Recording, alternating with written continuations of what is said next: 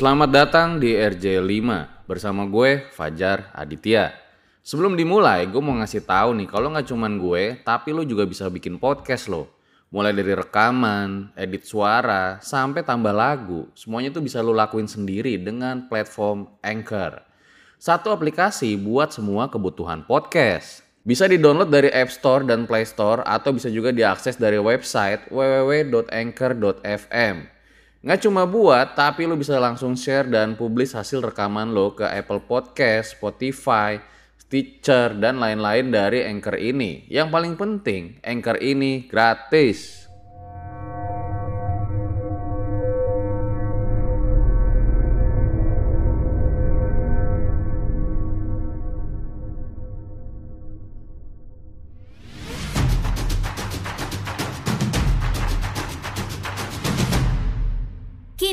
Podcast Network. Halo teman-teman viewers RJL Gua Bri dari Bri Story Penulis dari era DPK dan Rumah Teteh.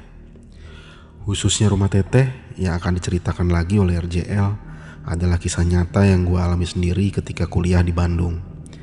Rumah Teteh adalah rumah yang gua dan teman-teman gua tinggalin waktu di Bandung dulu. Dan belakangan kami baru sadar kalau ternyata rumah ini ada penghuni lainnya Kami memanggil penghuni itu dengan sebutan Teteh setiap kehadiran dan penampakannya sangat menyeramkan. Intinya, selama kurang lebih dua tahun, gua dan beberapa teman tinggal di rumah berhantu yang hantunya kami panggil dengan sebutan Teteh. Jadi, selamat menikmati podcast Rumah Teteh dari Bristory hanya di sini di RJL Channel.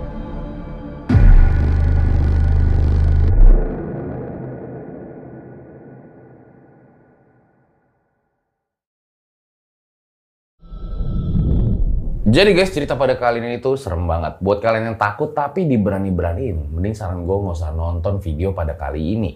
Daripada nih kalian lagi di kamar sendirian, tiba-tiba ada yang ngetok pintu.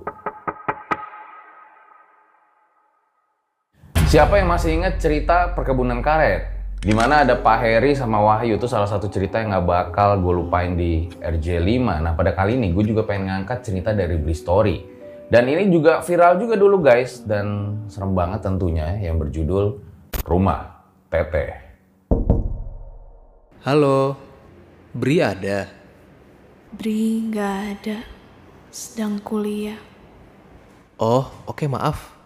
Ini dengan siapa? Ini teteh. Langsung aja kita merinding bareng. Berikut adalah ceritanya.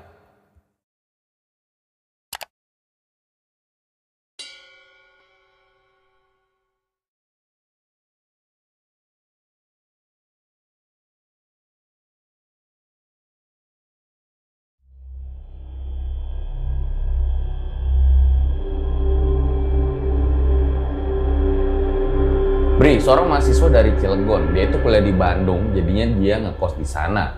Awalnya Bri ini ngekos itu cukup jauh dari tempat kampusnya. Tapi dia tuh nyaman, karena emang ada teman-temannya dan juga pemilik kosnya itu baik banget. Hingga akhirnya si Bri ini mutusin buat pindah kos aja tuh, dia nyari yang deket kampus. Jauh dari hiruk pikuk kendaraan. Bri baru aja dapat info tuh dari Rudi kalau ada rumah yang pengen dijadiin tempat kos. Dia tertarik langsung mutusin buat datang ke tempat tersebut. Bri udah janjian tuh sama Nando, sobinya, untuk ngelihat rumah indekos yang baru. Rencananya mereka berdua sama teman-temannya pengen pindah ke sana. Rumah itu terletak di daerah Cikutra, cukup dekat dengan kampus. Ada si Asep, Irwan, sama Doni tuh yang rencananya pengen ngekos bareng. Sehabis Isa, jalanlah tuh Bri sama Nando. Setelah menempuh perjalanan, akhirnya mereka sampai di rumah besar yang halamannya cukup luas, rapi dan bersih. Bercat putih dengan gaya arsitektur tahun 80-an. Gak lama muncul seorang wanita namanya Tante Lucy. Perawakannya tinggi, kulitnya putih dan rambutnya hitam panjang, cukup ramah. Mas Bri ya? Kenalin saya Lucy. Panggil aja Tante Lucy. Yuk, mari masuk. Eh iya, makasih tante. Tante Lucy adalah pemilik baru rumah itu. Rencananya kedua anaknya juga bakal tinggal di rumah ini. Mereka akhirnya duduk tuh di ruang tengah di mana ada kursi sofa kulit yang cukup besar dengan meja bulat di depannya. Tante Lucy nyeritain tuh alasan dia beli rumah itu karena emang kedua anaknya nih si Sisi sama Memi juga kuliah di Bandung. Setelah berbincang-bincang cukup lama, Tante Lucy ngajak Bri sama Nando buat keliling-keliling rumah tuh. Tapi si Bri tuh nggak mau ikut. Dia cuman duduk di sofa aja. Ya udahlah, Nando sama Tante Lucy pun keliling rumah tersebut. Bri duduk di sofa yang berbatasan langsung dengan tangga menuju lantai atas, di mana lorong tangga itu kelihatan cukup gelap. Ruang tengah bentuknya memanjang hingga belakang. Ada lima kamar di lantai satu dan dua kamar di lantai dua. Nantinya Bri dan teman-temannya itu bakal nempatin kamar di lantai satu, sementara lantai dua bakal ditempatin Sisi dan Memi. Jadi guys, anak yang punya kontrakan nanti bakal tinggal juga di rumah itu, tapi di lantai dua. Sementara yang kontrak itu semuanya ada di lantai satu. Nah, di sini mulai seru nih guys. Nah, saat lagi asik tuh ngamatin sudut-sudut di rumah, Bri ngeliat ada perempuan yang keluar dari kamar depan dan jalan lurus ke tangga. Perempuan itu rambutnya panjang, tubuhnya cukup tinggi, dan dia tuh pakai daster sebatas lutut dengan motif bunga. Oh, ini anaknya Tante Lucy kali ya? Hingga nggak lama, tiba-tiba Bri tuh kaget karena ngeliat Tante Lucy sama si Nando ini udah balik. Buset, ngagetin aja lu, Ndo. Bri kembali mengamati sekitar. Kali ini dia lihat ke arah halaman belakang, di mana bisa nembus tuh, kelihatan dari jendela ruang makan. Di sana ada seorang perempuan yang berdiri, tapi karena emang rada gelap, jadi nggak kelihatan dengan jelas. Bri pun sampai memincingkan matanya. Eh, itu orang apa gimana ya? Tapi pas Bri perhatiin lagi, loh, itu kan perempuan yang tadi dia lihat naik ke atas, kok tiba-tiba udah ada di belakang? Cepet amat dia bisa nyampe situ. Emangnya ada ya tangga dari atas untuk langsung ke belakang halaman rumah? Bri keheranan pada saat itu, tapi ya udahlah dia ngobrol-ngobrol lagi tuh sama Tante Lucy dan Nando hingga nggak kerasa. Udah jam 9 malam, mereka pun pamit buat pulang. Dan pas mau pulang nih guys, pas di halaman rumahnya, lagi-lagi si Bri kaget karena ngelihat perempuan yang tadi lagi, lagi berdiri di balkon. Di jalan pulang, Bri ngobrol tuh sama Nando tentang rumah tadi. Dok, anaknya Tante Lucy cantik juga ya, kayak model loh. Hah? Emang lo liat anaknya Tante Lucy di mana, Bri? Lah, tadi kan gue sempet papasan beberapa kali. Bahkan waktu kita mau pulang, dia juga lagi perhatiin kita tuh dari balkon. Gila lu ya? Tadi Tante Lucy bilang dia sendirian di rumah. Sengaja datang ke sini buat ketemu kita berdua doang. Kan anak-anaknya masih di Sumatera. Eh, buset. Terus perempuan yang tadi ketemu sama Bri, siapa coba?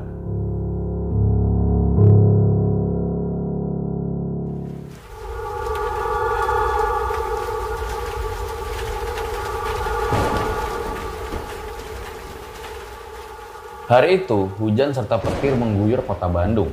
Rada mager sih, tapi Bri tetap beres-beres barang tuh buat pindahan. Jadi Bri ini adalah salah satu mahasiswa fakultas ekonomi. Anak ekonomi gitu loh bos. Setelah tiga tahun di kosan yang lama, akhirnya Bri pamit tuh, penuh kenangan pastinya ya. Dia pun jalan menuju kosannya yang baru.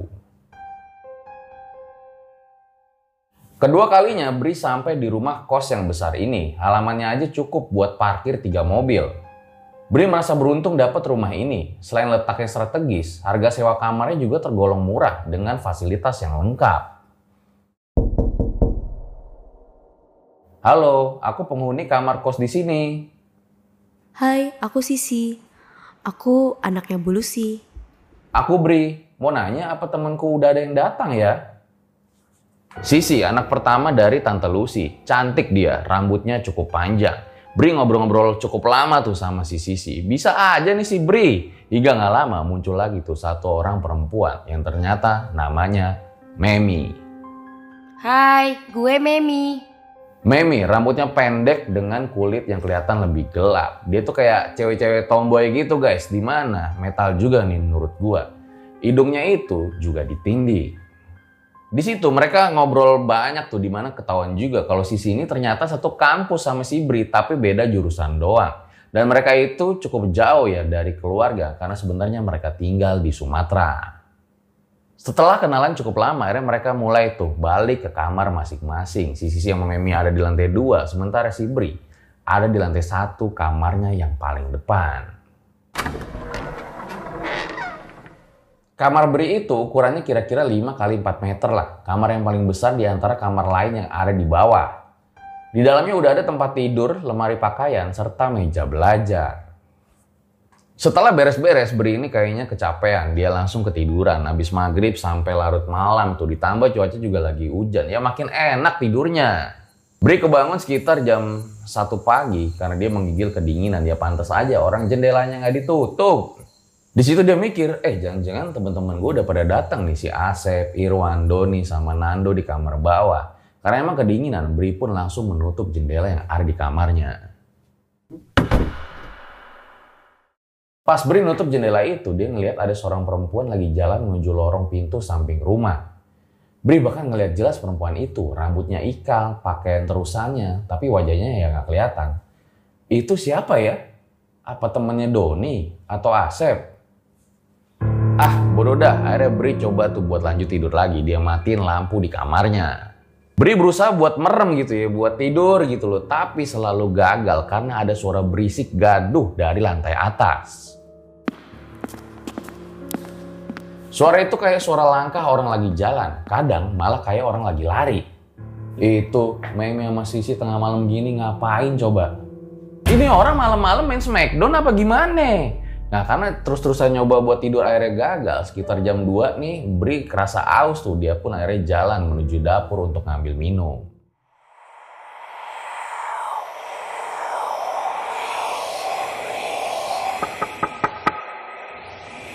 Ini teteh.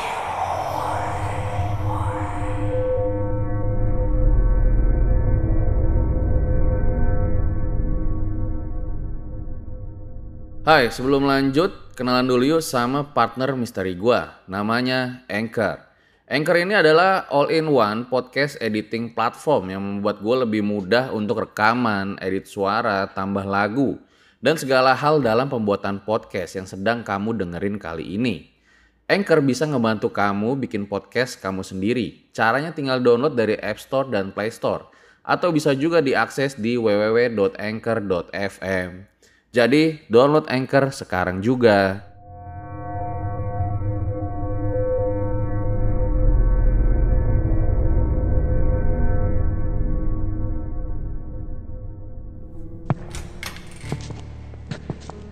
Bri keluar kamar, buat sampai di dapur dia harus ngelewatin lorong yang gelap. Kemudian lewat ruang tengah, ruang makan, baru sampai tuh di dapur. Ini orang udah pada tidur semua kali ya. Suasana gelap itu, terutama di lorong tangga, bikin nyali Bri ciut juga. Tapi daripada dia kausan, dia beraniin diri aja tuh. Hingga pas dia lewat, dia dengar ada suara cekikikan. Eh itu si Memi apa Sisi dari tadi heboh banget tuh anak. Lagi pada ngapain coba di atas, pikir si Bri. Setelah ke dapur, akhirnya Bri ini balik lagi nih ke kamarnya. Dia usaha buat tidur lagi. Baru aja tidur berapa saat, Bri kebangun lagi tuh jam setengah empat pagi. Dia dengar ada suara gerasak gerusuk dari luar. Dan setelahnya kedengeran tuh suara gerbang dibuka. Dan pas dia lihat, ternyata itu teman-temannya. Ada juga si Memi dan Sisi di sana. Loh, kok mereka ada di luar bareng-bareng? Abis dugem apa gimana? Nah akhirnya Bri pun nyamperin mereka yang ada di luar. Eh maaf Mas Bri, Mas Bri kebangun gara-gara kami ya? Tadi aku minta tolong Nando dan Doni buat bantu ambil barang di kos yang lama sih. Tadinya mau ngajak Mas Bri juga, tapi kayaknya kecapean, tidurnya pules banget. Jadi nggak enak deh kalau buat harus bangunin. Bri bener-bener kaget tuh dengar penjelasan dari Sisi. Ternyata mereka semua itu udah nggak ada di kosan dari maghrib. Jadi si Bri itu sendirian doang. Karena kan si Irwan sama Asep itu baru datang di hari Minggu paginya. Terus yang jadi pertanyaan besar adalah, jadi siapa yang semalam lari-lari di atas dan cekikikan?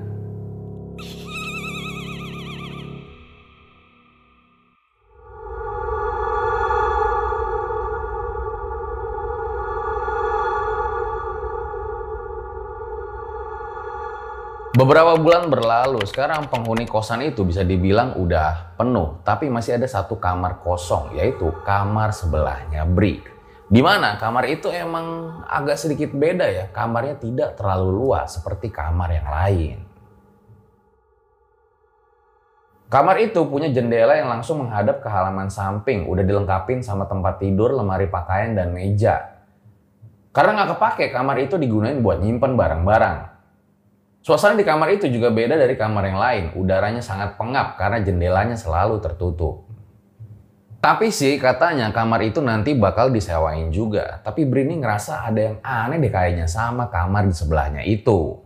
Pas malam-malam dia tuh sering dengar suara aneh dari kamar samping. Kayak misalnya suara kuku yang dicakar ke tembok. Suara pintu kamar mandi yang kebuka sendiri. Bri juga sempat mikir nih apa temen gue ngisengin gue apa gimana. Tapi pas dipanggil-panggil tuh nggak ada yang nyaut dari kamar sebelah. Beberapa kali juga ada mahasiswa atau karyawan yang nempatin kamar kosong itu. Tapi rata-rata pada nggak lama tuh. Paling lama cuman sebulan. Itu juga orangnya paling cuma nginep beberapa hari doang tuh di kamar tersebut. Belum juga kenal, eh orangnya udah pergi pikir si Bri. Sampai nih si Bri itu kenal sama yang namanya Indra. Jadi Indra tuh pernah tinggal di kamar sebelah Bri itu selama dua minggu. Si Indra itu menceritakan kenapa dia nggak betah di kamar tersebut. Gue nggak tahan Bri. Awalnya biasa-biasa aja. Tapi pas di malam ketiga mulai ada yang aneh-aneh tuh. Tiba-tiba meja belajar gue tuh berantakan lah pas gue bangun pagi isi lemari keluar-keluar pas gue pulang padahal kamar dalam keadaan terkunci loh gue juga sering didatangin sama perempuan berambut panjang terus raut mukanya itu seperti orang marah puncaknya malam terakhir benar-benar nakutin banget buat gue pas malam gue tidur kan gue ke arah samping nih pas gue lihat di kasur tiba-tiba ngerasa ada yang nempel di belakang gue. Eh, pas gue lihat ada perempuan, rambutnya panjang, lagi duduk. Mukanya lagi-lagi kayak orang marah. Gue takut, langsung kabur ke kosan temen gue. Paginya langsung dah gue cabut dari kos itu. Eh buset, serem juga nih kamar di samping gua, pikir si Bri pada saat itu. Dia mikir lagi, perempuan berambut panjang, Rumah kos yang Bri tempatin itu, seberangnya itu jadi rumah Bang Kopral ya. Bang Kopral ini pamannya si Rudi tuh yang tadi gue ceritain di awal-awal kalau kalian masih ingat. Bang Kopral walau penampilannya itu kayak urakan, tapi orangnya tuh asik banget sama Rama. Dia juga suka mampir ke kosan tuh buat ngobrol-ngobrol sama Bri dan teman-temannya. Seperti di malam ini. Malam itu mereka ngobrol dengan santainya tuh di ruang tengah sampai nggak kerasa udah jam satu malam. Pas lagi asik-asiknya ngobrol, mereka dikejutkan tuh dengan hal aneh yang terjadi di kamar kosong itu. Pintu kamar kebuka dengan sendirinya. Setelahnya, pintu itu malah kembali tertutup. Bri dan teman-temannya mulai ketakutan tuh, kecuali Bang Kopral. Dia tuh kayak senyum kecil gitu, seperti tahu apa yang sedang terjadi. Gak lama, Bang Kopral itu jalan tuh masuk ke kamar kosong itu, diikutin sama Bri dan lainnya. Ternyata pas dilihat, kamar kosong itu udah berantakan. Padahal sebelumnya menurut Bri kamarnya itu rapi deh, nggak berantakan kayak gini. Nah karena mereka tuh udah nggak selera buat ngobrol, akhirnya mereka pulang tuh ke rumah masing-masing pada malam itu.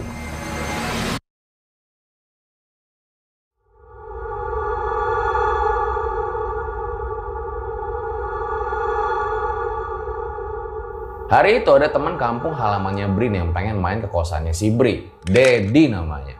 Jadi si Dedi ini emang udah sobinya Bri tuh. Dia udah rencanain dari jauh-jauh hari pengen main ke kosannya si Bri. Tapi belum bisa-bisa juga. Makanya dia itu rencana pada hari ini ingin nginep di kosan si Bri.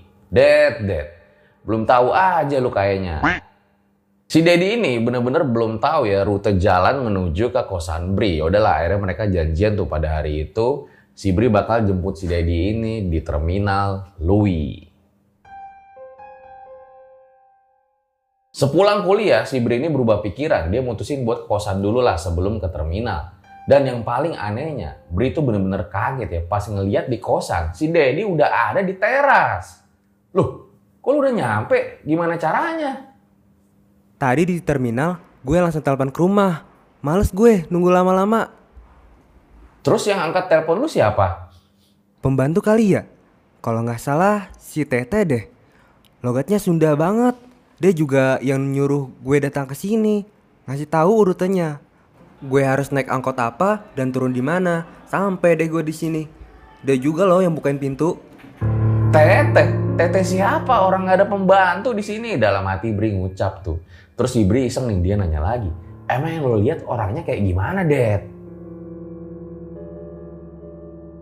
Cewek kayaknya usianya 30-an, kulitnya yang putih bersih deh, rambutnya panjang, namun wajahnya pucat seperti orang sakit. Tapi orangnya ramah banget. Teteh juga yang nunjukin kamar lo. Setelah itu dia pamit ke belakang dan belum balik lagi.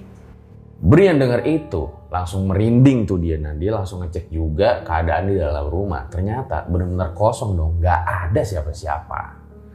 Si Dedi ini rencana nginep di kosan Bri itu selama tiga hari. Karena emang si Bri ini tahu Dedi itu orangnya penakut banget.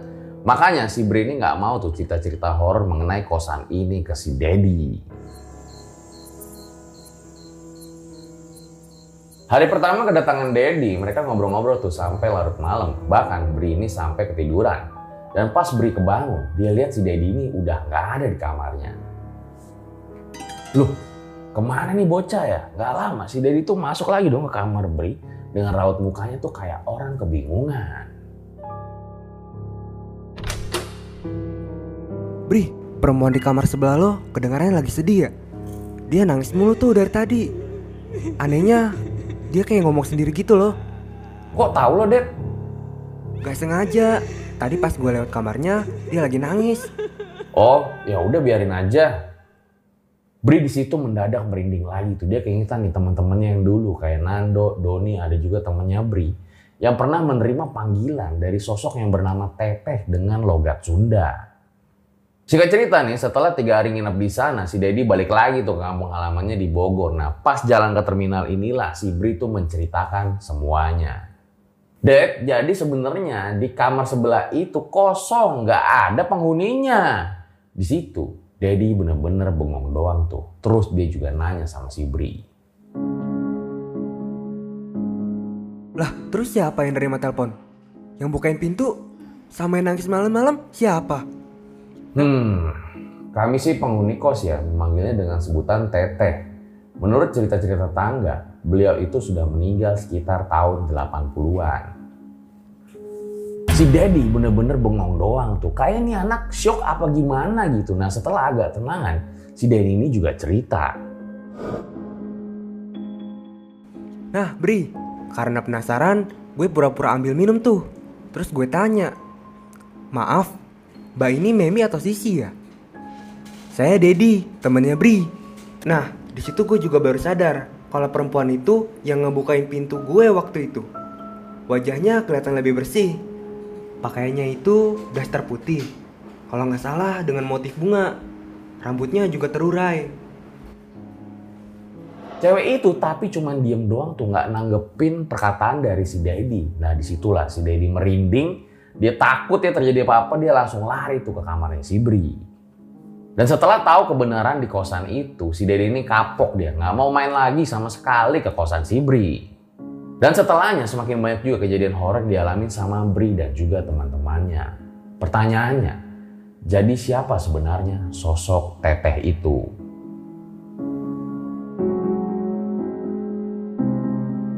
Di part kedua. Nando dan Doni yang penasaran sama Teteh pun langsung buka tuh papan oijanya. Gak lama di kamar samping itu kedengaran suara tawa yang sangat mengerikan. Sepertinya Teteh marah. Ini teteh.